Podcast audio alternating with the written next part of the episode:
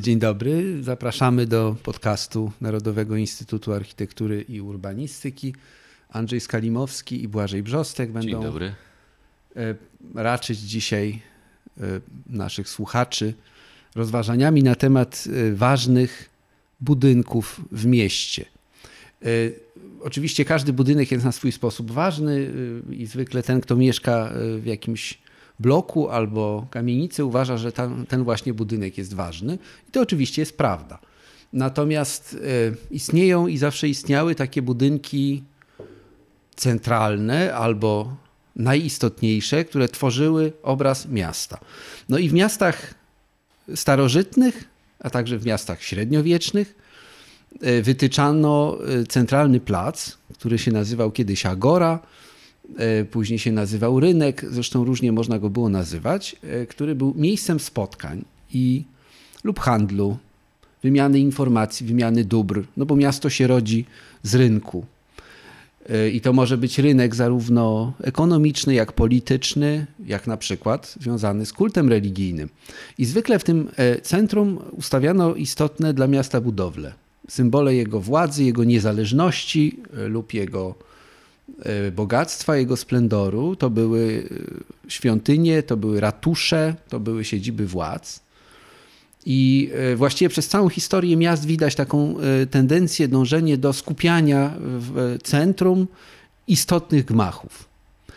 E, to jest szczególnie ważne w wypadku miast zakładanych na surowym korzeniu, które powstają nie spontanicznie, tylko zgodnie z pewnym planem, więc miast kolonialnych, miasta kolonialne rzymskie miały E, dwie główne arterie przecinające się pod kątem prostym i w tym centrum znajdowały się najistotniejsze e, instytucje.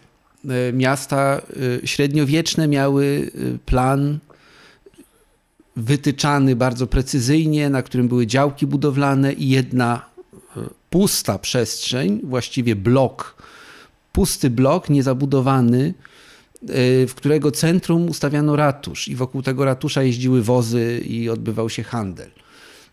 Miasta dwudziestowieczne często kreowano w podobny sposób.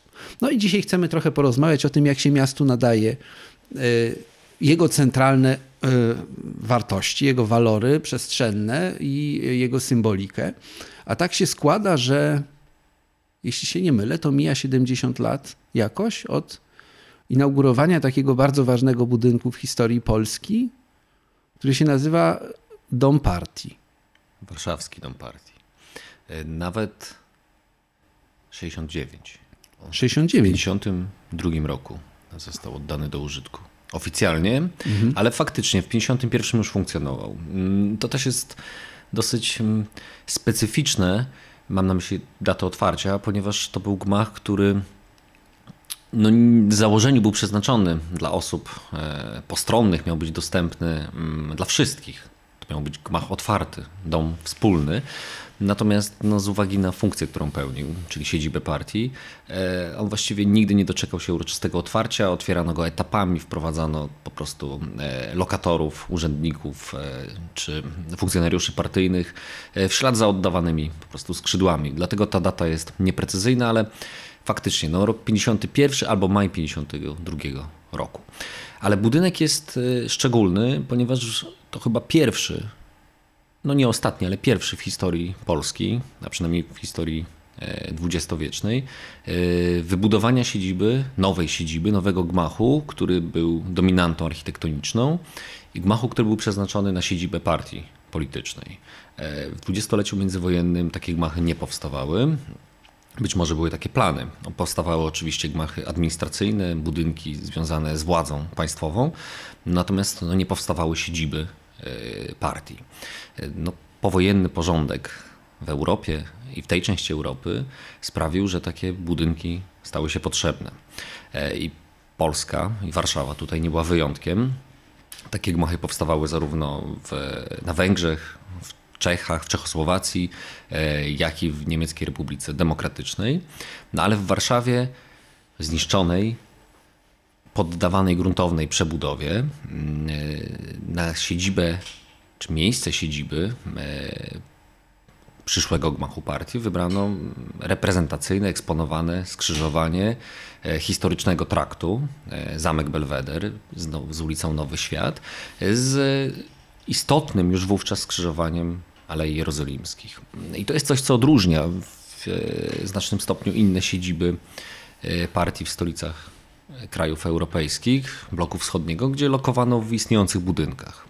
To później oczywiście się zmieniało w miarę rozwoju tych państw i utrwalania systemu e, komunistycznego, ale w Polsce w roku 1947 zapadła decyzja o budowie takiego gmachu. I ten gmach wybudowano stosunkowo szybko. Wybudowano go E, jeszcze przed zadekretowaniem socrealizmu, czy zaprojektowano go jeszcze przed zadekretowaniem socrealizmu, ale kończono go już w czasie obowiązywania tej doktryny. W związku z tym on jest taką z jednej strony próbą obrony przedwojennej, jakby przedsocrealistycznego konceptu, a z drugiej strony próbą dostosowania go do obowiązujących realiów. Wydaje mi się, że on obronną ręką projektanci wyszli e, z tego zadania.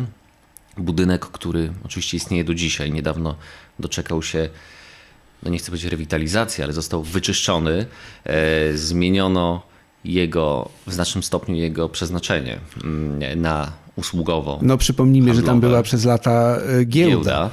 E, I budynek właściwie teraz jest jednym z chyba mm, najwartościowszych przykładów architektury powojennej. No, znajduje się we wszystkich przewodnikach czy katalogach architektury i jego pierwotna funkcja i te konotacje polityczne właściwie zostały zatarte.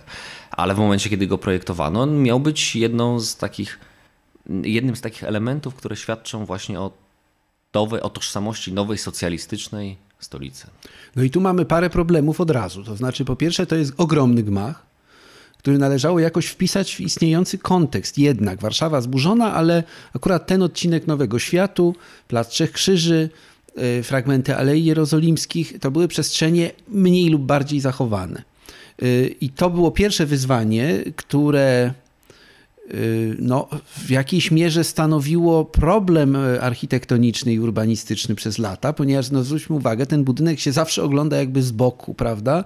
Zawsze widzimy kant, zawsze jesteśmy w stosunku do niego y, jak gdyby obróceni pod jakimś takim nieoczywistym kątem, podczas gdy monumentalna architektura, zwłaszcza socrealistyczna, domaga się osi, domaga się symetrii, Domaga się tego, żeby gmach był widoczny, jak gdyby Ekspozy fasadowo, prawda? Ekspozycji. No właśnie, i tego brakowało. Potem są dziesiątki lat właściwie różnych projektów e, zmiany tego stanu rzeczy, z tym jednym przerażającym projektem właściwie rozwalenia zapleczy Nowego Światu, przebicia tam ulicy, która by wychodziła na osi domu partii i wreszcie wtedy ten e, fasadowy efekt, symetryczny efekt zostałby osiągnięty. I to jest jeden problem. A drugi problem to była sama struktura gmachu, bo on łączy takie dwie y, kompletnie niezgodne ze sobą idee. Jedną jest idea fortecy, to jest wyniesiony na wysoki cokół, gmach, zresztą takie forteczne gmachy y, na planie kwadratu z bardzo dużym y, dziedzińcem były wtedy budowane właśnie dla instytucji politycznych, dla instytucji centralnych. E, a jednocześnie gmach no, w założeniu architektów jakby przejrzysty, z dostępem na dziedziniec z czterech stron, z trzech stron właściwie, prawda? E, z taką ideą, że można jakby przejść przez ten budynek. Przecież niezrealizowaną, bo ludzi tam nie wpuszczano na ten dziedziniec, prawda? Tak, przede wszystkim dom partii, czy gmach partii, jak go wówczas nazywano, gmach KC, wspólny dom, e, te nazwy były stosowane wymiennie. On jest świadectwem porzucenia planów lat 50., przełomu lat 40., lat 50., planów przebudowy i budowy Nowej Warszawy. E, I często jak ktoś zwiedza, ogląda Warszawę i zastanawia się, e, czego nie dokończono, czego nie zrobiono, to właśnie można pokazać mu dom partii. W momencie, kiedy projektowano go, e, cała zabudowa ulicy Książęcej, która jest no dzisiaj na zapleczu domu partii, ale tak naprawdę to fasada domu partii centralna, główna fasada jest właśnie od strony ulicy Książęcej. On z tamtej strony miał być oglądany. E, I te gmachy przeznaczone, te kamienice XIX-wieczne, przeznaczone były do wyburzenia właściwie po roku, dwóch od rozpoczęcia budowy domu partii. I nigdy nie zostały. Nigdy nie zostały, czyniąc właściwie całe założenie absolutnie nieczytelnym. E, no ale to nie jest tylko i wyłącznie przypadek domu partii w Warszawie. Takich miejsc jest więcej. Drugim czynnikiem, który sprawił, że porzucono zainteresowanie gmachem partii, jego otoczeniem bezpośrednim, architektoniczno-urbanistycznym, była decyzja o budowie Pałacu Kultury i Nauki w centrum Warszawy i budowie wokół pałacu właściwego nowego centrum Warszawy. Tak, bardzo monumentalnego. Tam zresztą w założeniu też miał się mieścić warszawski ratusz. On miał być naprzeciwko Pałacu Kultury w takiej wielkiej, e, wielkim parawanie socrealistycznych budynków. E, więc mieliśmy w istocie to, o czym dzisiaj chcemy rozmawiać, to znaczy projekt takiego ogromnego placu, wielkiej agory, który by komponował nowe centrum Warszawy z najistotniejszymi instytucjami władzy. No i bardzo znamienne jest to, że na przykład y, pochód pierwszomajowy, który od chwili inauguracji czy zbudowania domu partii chodził alejami jerozolimskimi, przenosi się następnie po 1956 roku na Marszałkowską, czyli przed Pałac Kultury, tam właśnie na to wielkie forum, na to wielkie forum planowane centrum stolicy. Y, no i y, mamy, mamy tu zagadnienie komponowania przestrzeni publicznych, komponowania przestrzeni władzy i takich miejsc, które mają być dla mieszkańców miasta rozpoznawalne. Oni mają na swojej mapie mentalnej miasta wyraźnie wyznaczone Y, te, y, te istotne place i gmachy. Y, z pewnością dom partii takim miejscem był. Ja pamiętam, jak byłem dzieckiem i bywałem w tej okolicy. Z moim ojcem chodziliśmy także po tych schodach, które, które prowadzą do domu partii. I pamiętam, jak on mi pokazywał ukradkiem milicjantów, którzy tam się przechadzali pod domem partii i mówił mi, widzisz, to nie są milicjanci. Oni mają tylko milicyjne mundury, tak naprawdę to jest ochrona. Czy jakieś takie słowo zostało użyte. I ja z tego rozumiałem, że to jest bardzo szczególne miejsce. Y, miejsce, w którym należy się zachowywać w odpowiedni sposób. E, miejsce, które nie jest e, spontaniczne. Dzisiaj mamy ten dziedziniec domu partii zastawiony leżakami, na których się wylegują ludzie, piją prosecco, ustawiają sobie stoliki, więc ta przestrzeń się w zdumiewający sposób przekształciła, prawda? Pozostając tym samym materialnie, w sensie, no jak to powiedzieć, moralnym, zupełnie czym innym niż była i te luksusowe sklepy, to wszystko, co tam się dzieje, prawda? E, no ta agora centralna nie powstała, ale to jest to jest właśnie ta historia, o której chcemy rozmawiać. E, jeśli chodzi o wielkie gmachy władzy, to no jednym z najbardziej imponujących, przerażających, e, jakie zbudowano w Europie w XX wieku, jest pałac w centrum Bukaresztu, zwany Domem Ludu, e, czy też Pałacem Republiki, który został wzniesiony w latach 80. w stylu absolutnie nie, niedefiniowalnym, który jednak niektórzy uważają za postmodernizm. Jeśli to był postmodernizm, to bardzo szczególny, ponieważ e, no, Nikolaj Czałszewsku, e, dyktator jego żona Elena, którzy byli patronami e, tego, tej fundacji, tego wielkiego gmachu, no byliby przerażeni w ogóle na myśl, że to jest jakiś postmodernizm, ponieważ w ich wyobrażeniu to był po prostu majestatyczny styl imperialny, styl, który miał pokazywać Rumunię jako y, kraj złotej epoki, tak to nazywano, epoka de Aur. I y, wielokrotnie bardziej zresztą wyizolowany z przestrzeni miasta niż warszawski dom partii, ten gmach jest pomnikiem wielkiej, przerażającej pychy absolutnej władzy. Zbudowany w okresie, w którym mieszkańcy Rumunii nie dojadali, e, brakowało prądu, brakowało mięsa, brakowało wszystkiego właściwie, brakowało transportu. E, niebywale kosztowny, do dzisiaj toczą się e, debaty, ile miliardów dolarów ten gmach kosztował, no ale kosztował przede wszystkim pracę półniewolniczą, między innymi żołnierzy rumuńskich. Otóż na czym polegała geneza tego, tego budynku? Ona jest mniej oczywista niż się wydaje, mianowicie no oczywiste jest, że tutaj trzęsienie ziemi w Bukareszcie w marcu 1977 roku jest momentem przełomowym. W tym momencie Czałszewsku, który ogląda zrujnowane miasto, podejmuje decyzję, że trzeba je wreszcie przebudować. I ta decyzja jest prezentowana jako no, taki cywilizacyjny zabieg, który ma, y, który ma sprawić, że tam będą antysejsmiczne konstrukcje. E, mówi się o Japonii, mówi się o technologiach światowych, y, które Rumuni mają właściwie wytworzyć własnymi siłami na swoje potrzeby i zbudować tam bezpieczne budynki. Po drugie, mówi się o tym, że y, te obszary miasta już od dziesiątków lat były uznawane za zaniedbane, te domy, które tam stały, za przestarzałe, wyeksploatowane i tak dalej. I zaczyna się wielkie burzenie. Ale nie ulega wątpliwości, że Czałszewsku podsunięto plany międzywojenne stworzone dla króla Karola II w latach 30., który miał bardzo podobne aspiracje, bo aspiracją y, apodyktycznej władzy jest wielka przebudowa. Ona chce w kamieniu utrwalić swoje panowanie. No i tu e, przenosimy się w czasie do e, epoki międzywojennej, gdy e, władze Rumunii, które zmierzały też w stronę takich form nacjonalistyczno-totalitarnych pod koniec lat 30., projektują coś, co się nazywało systematyzacją, czyli przebudowę sieci miast tych takich targów, które były parterowe, chaotyczne, y, w nowe ośrodki miejskie. Inspiracją w dużej mierze był Mussolini y, i to, co się działo we Włoszech. We Włoszech się osusza w latach 30. błota pontyjskie, buduje się nowe miasta, zupełnie nowe, o takich charakterystycznych nazwach. Jedno z nich nazwano Mussolinia.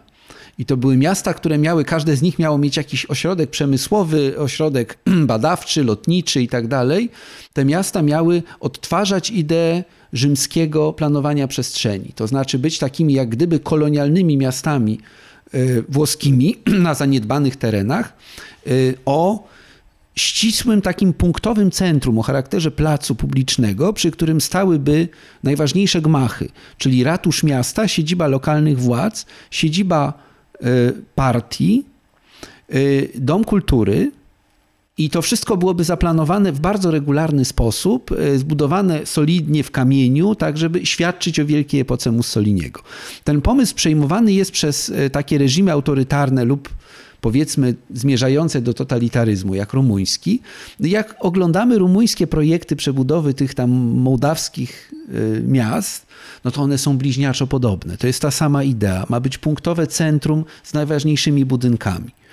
E, gdy przy, przyglądamy się projektom przebudowy miast niemieckich lub zwłaszcza miast e, kolonialnych na wschodzie, no, w tym wypadku na przykład na ziemiach polskich, odnajdujemy dokładnie tę samą ideę. To znaczy niewielki, planowy, regularny ośrodek o dwóch głównych ulicach z centralnym placem, przy którym ma się znajdować siedziba partii, siedziba Hitler-Jugend, to jest bardzo ważne, e, ratusz i dom kultury. E, takie projekty były kreowane między innymi dla e, miast polskich. W tym duchu chciano przebudować, czy zburzyć raczej, Warszawę. Przyjechali tutaj urbaniści z Würzburga niemieckiego, którzy no, chcieli odnowić średniowieczny ośrodek niemiecki, na gruzach słowiańsko-żydowskiego okropnego prawda, pseudomiasta, tak jak oni to opisywali. I ta idea e, przenika jak gdyby do lat powojennych w różnych formach, no i w Rumunii właśnie w latach 70.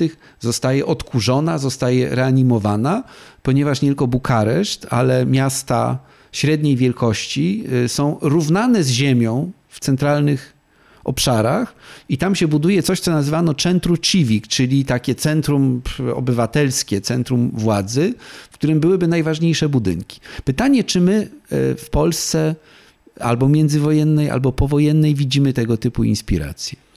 No myślę, że w przypadku Polski powojennej, zwłaszcza w latach 50., e, dążenie do urządzania centrów małych miast, miast powiatowych, miast wojewódzkich, właśnie w taki zorganizowany, regularny sposób, e, w takiej monumentalnej, architektonicznej oprawie, e, no jest widoczny. Nie mam na myśli tu tylko i wyłącznie Rzeszowa na przykład, czy Białego Stoku, czyli tych miast, które miały także pełnić pewną funkcję do propagandową, które tak jak w przypadku Białego Stoku, on jednak zastąpił miasta kresowe jako takie centrum e, polskości na wschodzie.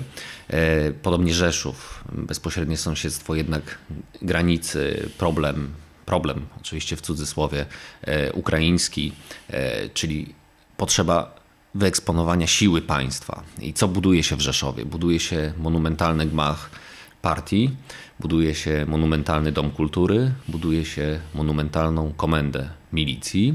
E, są plany budowy koszar, e, Korpusu Bezpieczeństwa Wewnętrznego, który ma strzec granic, e, no i wielkiej siedziby Urzędu Bezpieczeństwa. No to są takie bardzo przeskalowane gmachy w stosunku do Rzeszowa, prawda? Przeskalowane, no ale one mają właśnie świadczyć jako na tych rubieżach, tak. te, jako te wysunięte takie placówki. Natomiast w mniejszych miastach e, ten sam schemat jest powielany, oczywiście już w mniejszej lokalnej skali, ale e, tego typu projekty, one w pewnym momencie stają się projektami typowymi, które można powielać. Nie trzeba projektować ich bezpośrednio dla każdego ośrodka. E, to oczywiście nie powstaje w znacznym stopniu, no bo jak wiemy, ten socrealizm dość szybko się wypala, ale taka koncepcja i taka tendencja jest widoczna. I ja bym tu jeszcze dorzucił w przypadku Polski, z uwagi no, na jakby charakter, e, jaki Polska Rzeczpospolita Ludowa od 1952 roku, e, jakby jej gospodarka ten taki charakter miała, czyli przede wszystkim przemysł.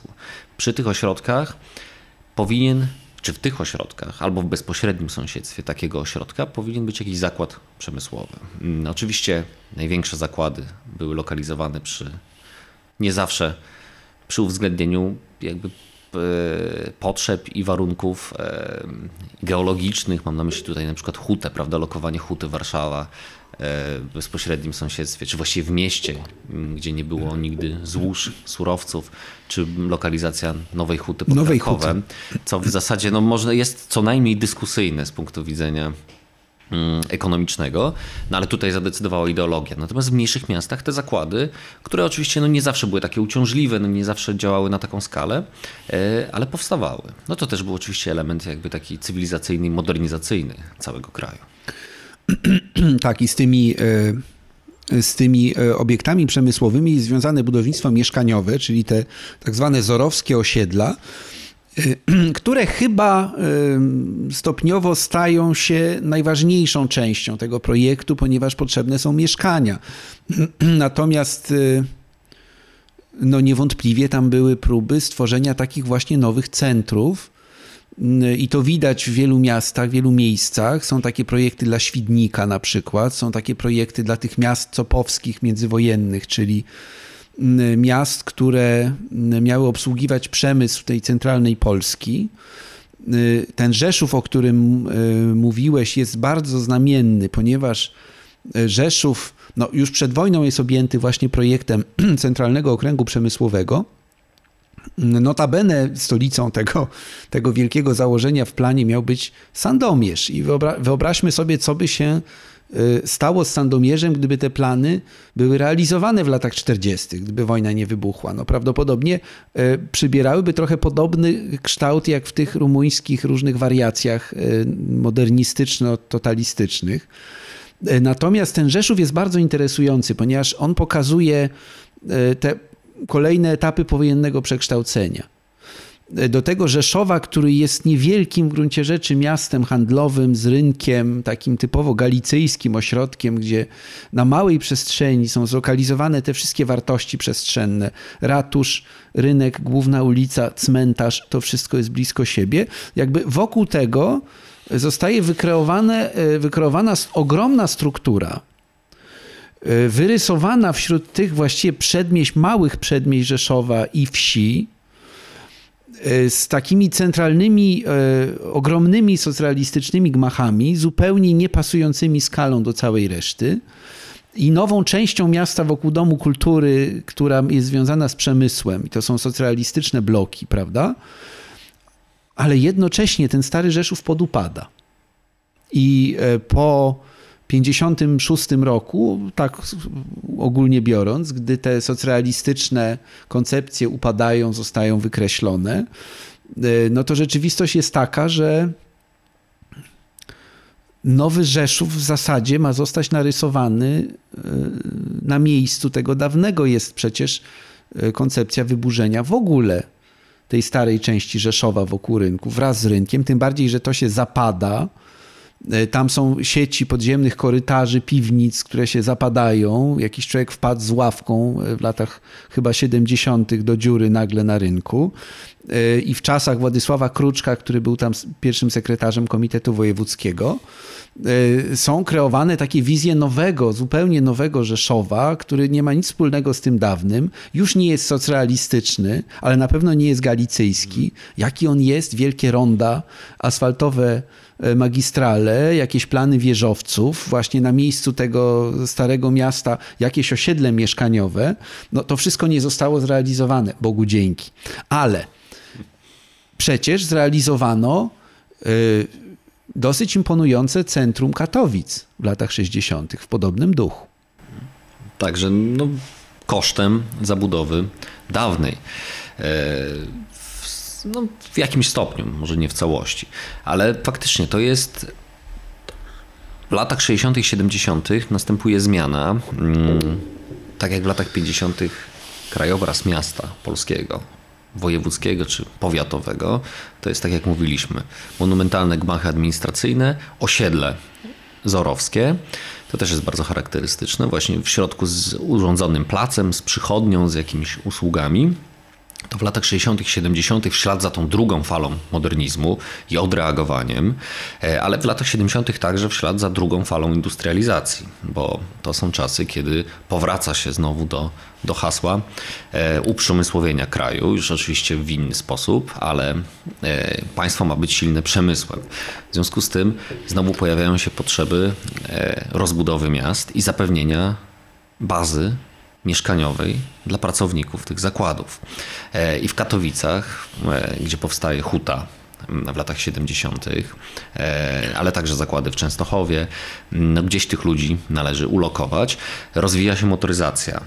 W związku z tym pojawia się więcej samochodów, pojawia się ruch, te masy ludzi się przemieszczają, one są dowożone do zakładów, z zakładów co wymaga, co, co wymusza zmianę charakteru i wyglądu tych miast. I tutaj Katowice, które zresztą miały e, no, takiego sprawnego i wpływowego mecenasa, czy właściwie e, protektora, mam na myśli tutaj generała Ziemtka, e, który zresztą doczekał się ronda, jednego z rond e, katowickich, e, który był w stanie no, mówiąc językiem tamtych lat, wyciągnąć pieniądze z budżetu centralnego, e, no i przyciągnąć te inwestycje e, na Śląsk.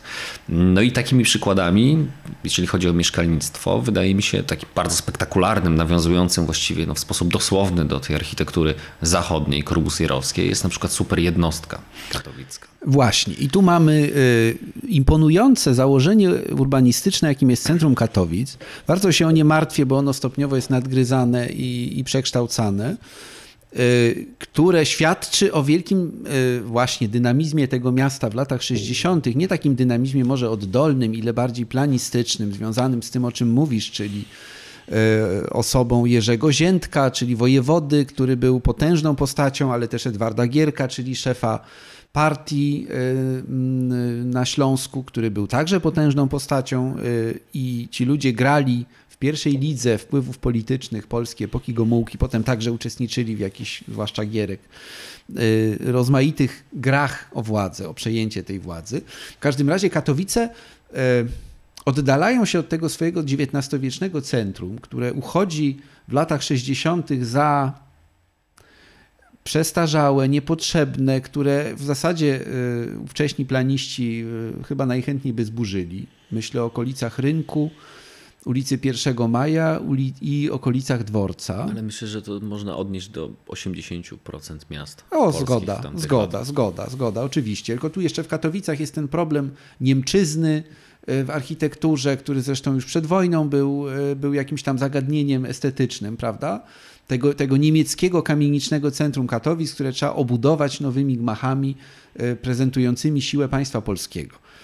I tutaj z jednej strony tego założenia przecież projektanci Warszawskiego Domu Partii, czyli Tygrysy, planują ten wspaniały, nieistniejący już dworzec kolejowy. Wspaniały, no to był najbrudniejszy chyba dworzec kolejowy w Polsce, jaki pamiętam, co się przysłużyło jego destrukcji, bo mało kto po nim płakał, a przecież była to architektura wybitna a z drugiej strony właśnie to rozciągnięte na bardzo długiej przestrzeni nowe centrum, zbudowane na terenach górniczych, ale też e, na wyburzonych familokach i tak dalej, kamienicach, e, takich pajęczych strukturach tych Katowic, bo to miasto przemysłowe, górnicze, rozwijające się w XIX wieku, raczej chaotycznie, a tu mamy wielką oś urbanistyczną i mamy tak, tę super jednostkę, gigantyczny blok mieszkalny, pałac ślubów, czyli bardzo istotny, symboliczny budynek pokazujący świeckość państwa e, w tym jednak przecież bardzo religijnym, tradycyjnym regionie, prawda, Polski. Pałac niestety nieistniejący, ten pałac ślubów. I spodek. E, spodek, no to zupełnie wygląda jak wylądował statek kosmiczny. Taki wielki gest przestrzenny, kreujący natychmiast właściwie kilka hektarów e, przestrzeni, postaci takiej e, urbanistycznej koncepcji rzeźbiarskiej, prawda? Łącznie z tym pomnikiem wielkim, ekspresyjnym bardzo pomnikiem powstań śląskich, to jest całość monumentalna. To jest monumentalna całość, która i tu bym zrobił paralelę, czy poprowadziłbym do dziś, która sprawia, że kolejni e, planiści i architekci stają się niejako nie chcę powiedzieć niewolnikami, ale dłużnikami tej koncepcji, bo to, co zbudowano w Katowicach w ostatnich latach, bo to jest miasto bardzo y, znowu ciekawie się przekształcające, to są też wielkie rzeźby przestrzenne. Y, to Międzynarodowe Centrum Konferencyjne, które tam zbudowano, y, budynek Orkiestry Polskiego Radia, to są przestrzenne rzeźby. Wokół nich oczywiście jest dużo zieleni, są różne pomysły, labirynt zielony i tak dalej, które mają tam ludzi wprowadzać, ale gdy chodzimy po Katowicach, to żyje wypełnione ludźmi y, od rana do wieczora. Jest to XIX-wieczne centrum, a nie ta wielka kompozycja dwudziestowieczna i XXI-wieczna. Y, to jest jakiś problem i y, tu bym może się odwołał właśnie znowu do symbolicznych wartości przestrzeni, co i gdzie się lokuje jakie budynki z punktu widzenia władz lokalnych, władz miejskich są tak prestiżowe, że mają się stać pomnikami jakiejś epoki.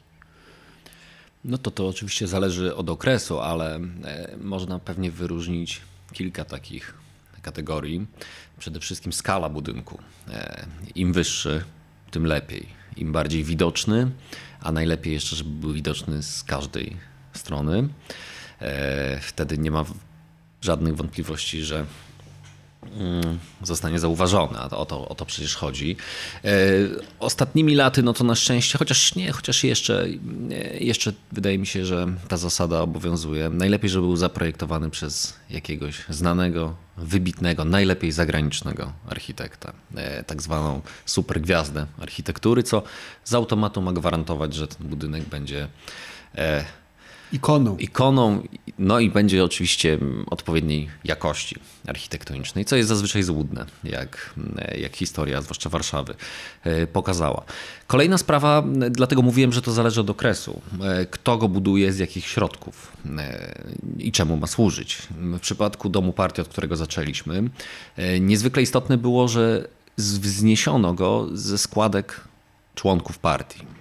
On powstawał w okresie tak zwanej akcji zjednoczeniowej, kiedy PPR, Polska Partia Robotnicza, wchłaniała Polską Partię Socjalistyczną i budynek, który pierwotnie był przeznaczony na biurowiec tej pierwszej partii robotniczej, e, no, po, po, zjednoczeniu siłą rzeczy stał się wspólnym domem, a jeżeli wspólnym, no to członkowie obydwu partii wspólnie się na niego składają. Państwo czy partia w tym przypadku, chociaż to trudno rozdzielić, no była w stanie go wznieść z, po prostu własnymi siłami, siłami z budżetu. No, ale chodziło o wykorzystanie potencjału propagandowego.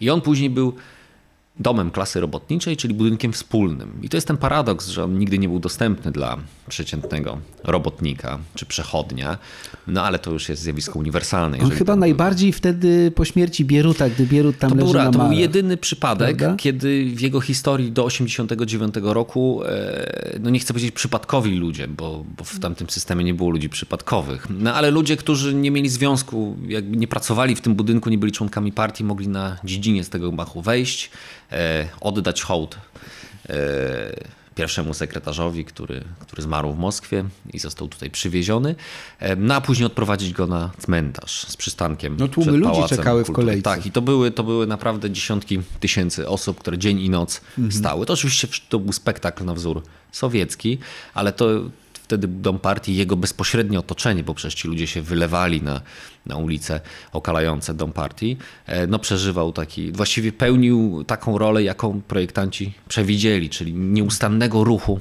mas ludności.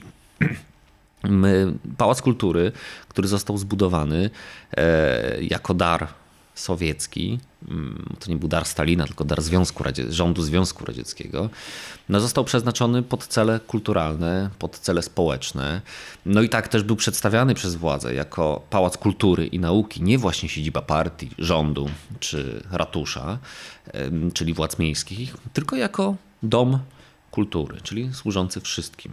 No a jednak y, przecież w pierwszym okresie od połowy 55 do Wejście do niego było 56. niezwykle trudne. Tak, trzeba było mieć specjalne wejściówki, y, bardzo pilnowano, kto te wejściówki dostaje i tak dalej. No też, ale to chyba też jest charakterystyczne dla wszelkiego rodzaju atrakcji, e, zwłaszcza na początkowym etapie. Dom Partii, e, prze- przepraszam, Pałac Kultury, no był ogromną atrakcją. Już nie wchodząc w szczegóły dlaczego, ale pewnie chętnych do jego zwiedzenia było bardzo wielu, więc jakby otwarcie go takie, taki zupełnie, chociaż on nigdy nie był dostępny tak jak No ale przynajmniej można było wejść sobie później, prawda, po 56 roku y, swobodnie po tych schodach y, do holu głównego, do księgarni, która tam była niżej, prawda, bardzo dobrej zresztą księgarni naukowej, można było pójść do restauracji, tam żeby wejść. Nie trzeba było pokazywać żadnych legitymacji. To zresztą był jeden z elementów odwilży, czy tego przełomu y, 56 roku, otwarcie.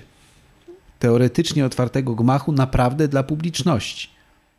No, ale wydaje mi się, że w okresie stalinowskim chyba nie było obiektów otwartych. Właśnie, Żadnych. prawda? Nawet, nawet te, które były de deklarowane jako e, ogólnodostępne i, i otwarte, one takie nie były z racji samego jakby charakteru systemu, który Tak. je stworzył i w których one funkcjonowały. Tak, no i tu mamy, y, odnosząc się jeszcze do Domu Partii i do Pałacu Kultury, y, problem, o którym napisał y, Stefan Kurowski pod koniec lat 70. w takiej książce wydanej 10 lat później, w niewielkim nakładzie y, o Warszawie, która jest miażdżącą krytyką stanu miasta, stanu stolicy. On tam porównuje ją z innymi stolicami Europy i pokazuje, że Warszawa jest niesłychanie prowincjonalnym miastem. Y, To było mało cenzuralne w epoce. Każdym razie y, Kurowski tam narzeka bardzo na y, właśnie publiczne gmachy Warszawy. Mm, O ile pamiętam, y, twierdzi, że gmach Sejmu jest niewidoczny, nieeksponowany, nie pokazuje wielkiej idei parlamentu. A dla mnie ten gmach Sejmu y, zawsze był bardzo przyjaznym y, gmachem władzy, właśnie dlatego, że był przejrzysty, otwarty, skromny, niski, nie narzucał się. Zatopiony w zieleni. Zatopiony w zieleni. Pamiętam czasy, w których można było dość swobodnie sobie przejść po jego terenie y, z jednej strony na drugą. I jeżeli mamy paralelę między byłym domem partii, y, na którym sobie ludzie piją prosecco i Sejmem, no to ja widzę niepokojące zjawisko, bo od jakiegoś czasu Sejm jest zabarykadowany, odgrodzony i to odgrodzony bardzo y, mm, brutalnymi zasiekami od ulicy. Y, I mowa jest od lat, zresztą to powraca o budowie płotów, murów, bo Bóg wie czego. Ja czekam, aż się pojawią strzelnice, bunkry i staną tam czołgi. To jest, to jest pewien jest symbol, wykluczone. prawda? To jest symbol stosunku e, elit e, władzy do obywateli. E, Obserwujmy te zjawiska, bo one są zawsze ważne. Kolejnym takim symbolem, moim zdaniem, istotnym w historii Polski są ratusze. I to jest problem historyczny, prawda? Mamy, mamy w Polsce tę tradycję budowania ratuszy pośrodku rynku, czyli tego miejsca najbardziej publicznego w mieście. Potem gdzieś na przełomie XVIII-XIX wieku te ratusze bywają burzone i znikają i przenoszą się do innych budynków, prawda? I rynek staje się takim placem właściwie. Placem publicznym bez, e, bez centralnego punktu. Tak się stało w Warszawie e, Nowej i w Warszawie Starej. E, usunięto te ratusze. Ratusze się przeniosły do byłych pałaców arystokratycznych, to do dzisiaj tak właściwie jest, i nie mają swojej takiej odrębnej siedziby.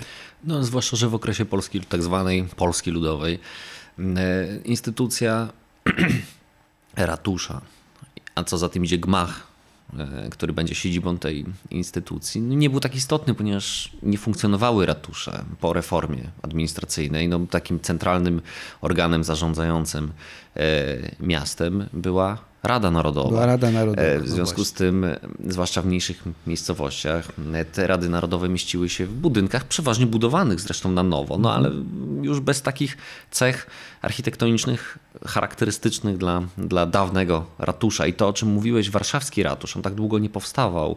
No, były różne plany, oczywiście miał być na osi ulicy Chmielnej, ale także na rogu Nowego Światu i Świętokrzyskiej. No, dyskutowano, debatowano, jak on ma wyglądać, ale w gruncie rzeczy to była dyskusja bezprzedmiotowa, ponieważ ten ratusz nie miał żadnego Ponieważ nie było prawdziwych władz miejskich, znaczenia. takich niezależnych. To wraca, to wraca po mhm. roku 89. Znaczy w latach 80. już te tak. reformy się pojawiają i rzeczywiście ten jakby ratusz znowu staje się istotny i ta siedziba władz miejskich staje się istotna. W Warszawie mamy tę dyskusję od lat 80. do dnia dzisiejszego, gdzie ten ratusz powinien być. Ten centralny, bo centralny. buduje się ratusze y, dzielnic. Prawda? To jest tak. takie zjawisko y, charakterystyczne, niekiedy bardzo dobre zresztą ratusze powstają w ten sposób. Na Białołęce takie jest... ośrodki, symboliczne ośrodki dzielnicy, których kompletnie brakowało właśnie w tym systemie PRL-owskim, w którym Rady Narodowe, no nie są tak naprawdę wybierane, jak wiadomo, ale też nie dysponują jakimiś sensownymi budżetami, nie mają samodzielności, są właściwie poddane decyzjom administracji rządowej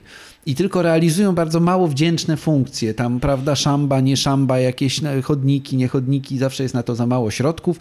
Mobilizują mieszkańców do prac społecznych, żeby nadrobić jakby te właśnie niedostatki, e, bo system nakierowany jest na budowę wielkich inwestycji przemysłowo, jakichś tam mieszkaniowych, a nie na tego typu sprawy. No to z tego wynikało między innymi to, że w Polsce do lat 90.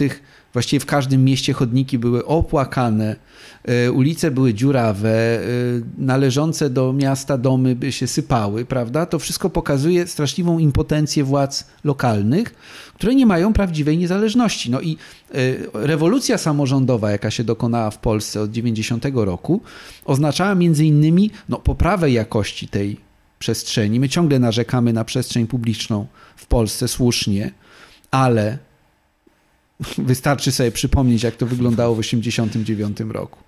Natomiast y, z tym się też wiąże pewna zmiana, y, bardzo istotna zmiana symboliczna. Otóż y, nie ratusze, ale siedziby wojewódzkich władz były tym takim, jak to powiedzieć, landmarkiem. Polski, zwłaszcza po 1975 roku.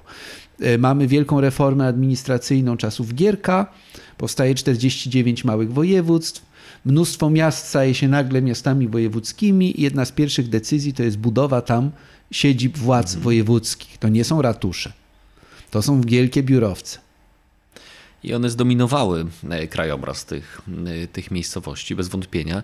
Ale ja jeszcze bym zwrócił uwagę na, jeden, na jedno zagadnienie, bo my cały czas poruszamy się w obrębie władzy administracyjnej. Mówimy o gmachach tak. politycznych, gmachach rządowych, samorządowych, ale przecież jednym z wyznaczników prestiżu i, i rangi miasta e, przez wiele wieków był obiekt sakralny.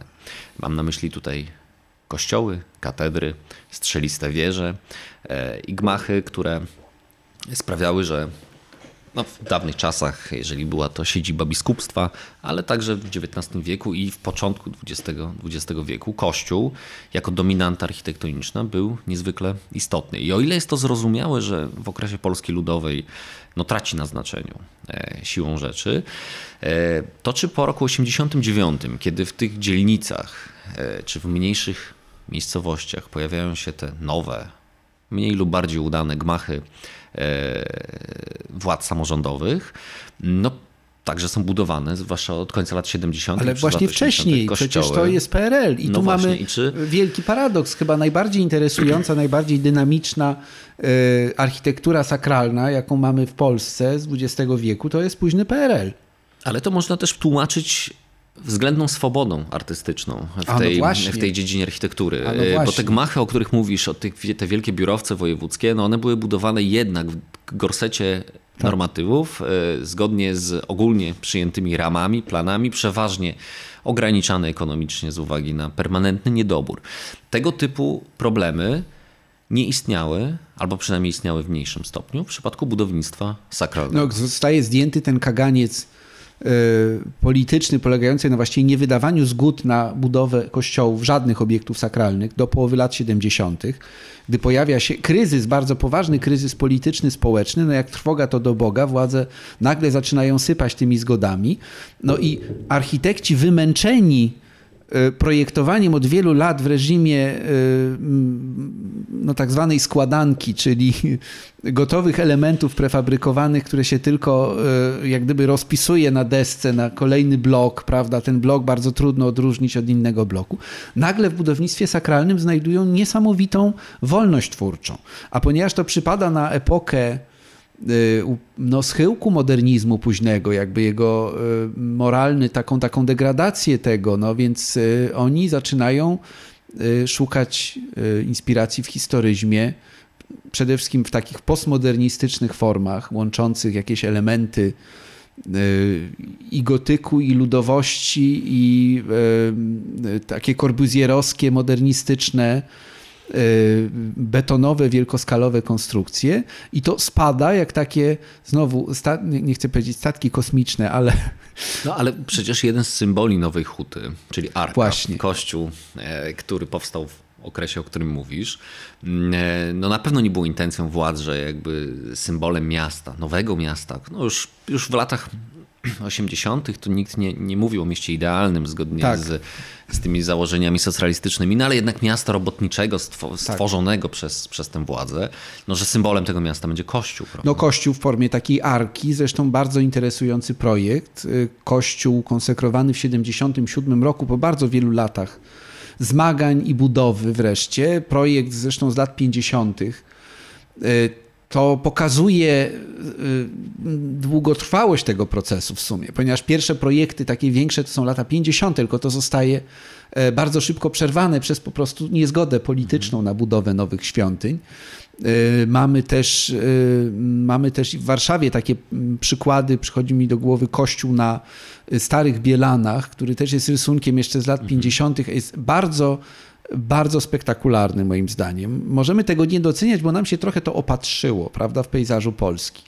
Notabene te kościoły to byłby temat na cały pewnie podcast, jeżeli nie całą serię, bo to jest pasjonujące, ale rzeczywiście ten proces e, takie sinusoidy tego dominowania przestrzeni przez budynki e, religijne, potem e, zanikania tych dominant. No, przychodzi mi do głowy rozwój miast XIX wieku, takich jak Paryż, gdzie mamy e, w tym Paryżu dawniejszym, XVII-wiecznym, wyraźne dominanty przestrzenne w postaci kościołów. W XIX wieku te kościoły są obudowywane szczelnie kamienicami, wysokimi do tego stopnia, że właściwie zanikają w panoramie miasta. Mniejsze kościoły dzielnicowe w ogóle nie wyrastają ponad te kamienice, prawda? Po czym e, e, władze dzielnicowe budują sobie ratusze, które są wyższe od tych kościołów i to ich wieże mają dominować. Po czym nad tym wszystkim wyraża, wyrasta wieża Eiffla, której już nie sposób zdominować chyba i do dzisiaj chyba nawet już nikt nie chce, bo ona jest tak ważną ikoną. I doszliśmy do y, jakiejś puenty. Y, to znaczy wieża Eiffla jako budynek absurdalny, Oczywiście wiem, że nie jest takim. Ileż tam się rzeczy dzieje, ileż tam ludzi wjeżdża, jaka to jest maszyna do, e, do zarabiania pieniędzy, jakie tam są e, knajpy w tej wieży Eiffla, wystawy. Ale Pierwotnie budynek przeznaczony y, na potrzeby wystawy światowej, przeznaczony jako czasowy, uważany za ogromny nonsens przez bardzo wielu współczesnych, no bo o czym, o czym on ma świadczyć? Y, stał się ikoną i to światowej rangi ikoną miasta. Nie budynek ratusza, nie kościół, nie y, władze polityczne, nie dom partii, tylko właśnie wieża Eiffla. Dziękujemy. Dziękujemy.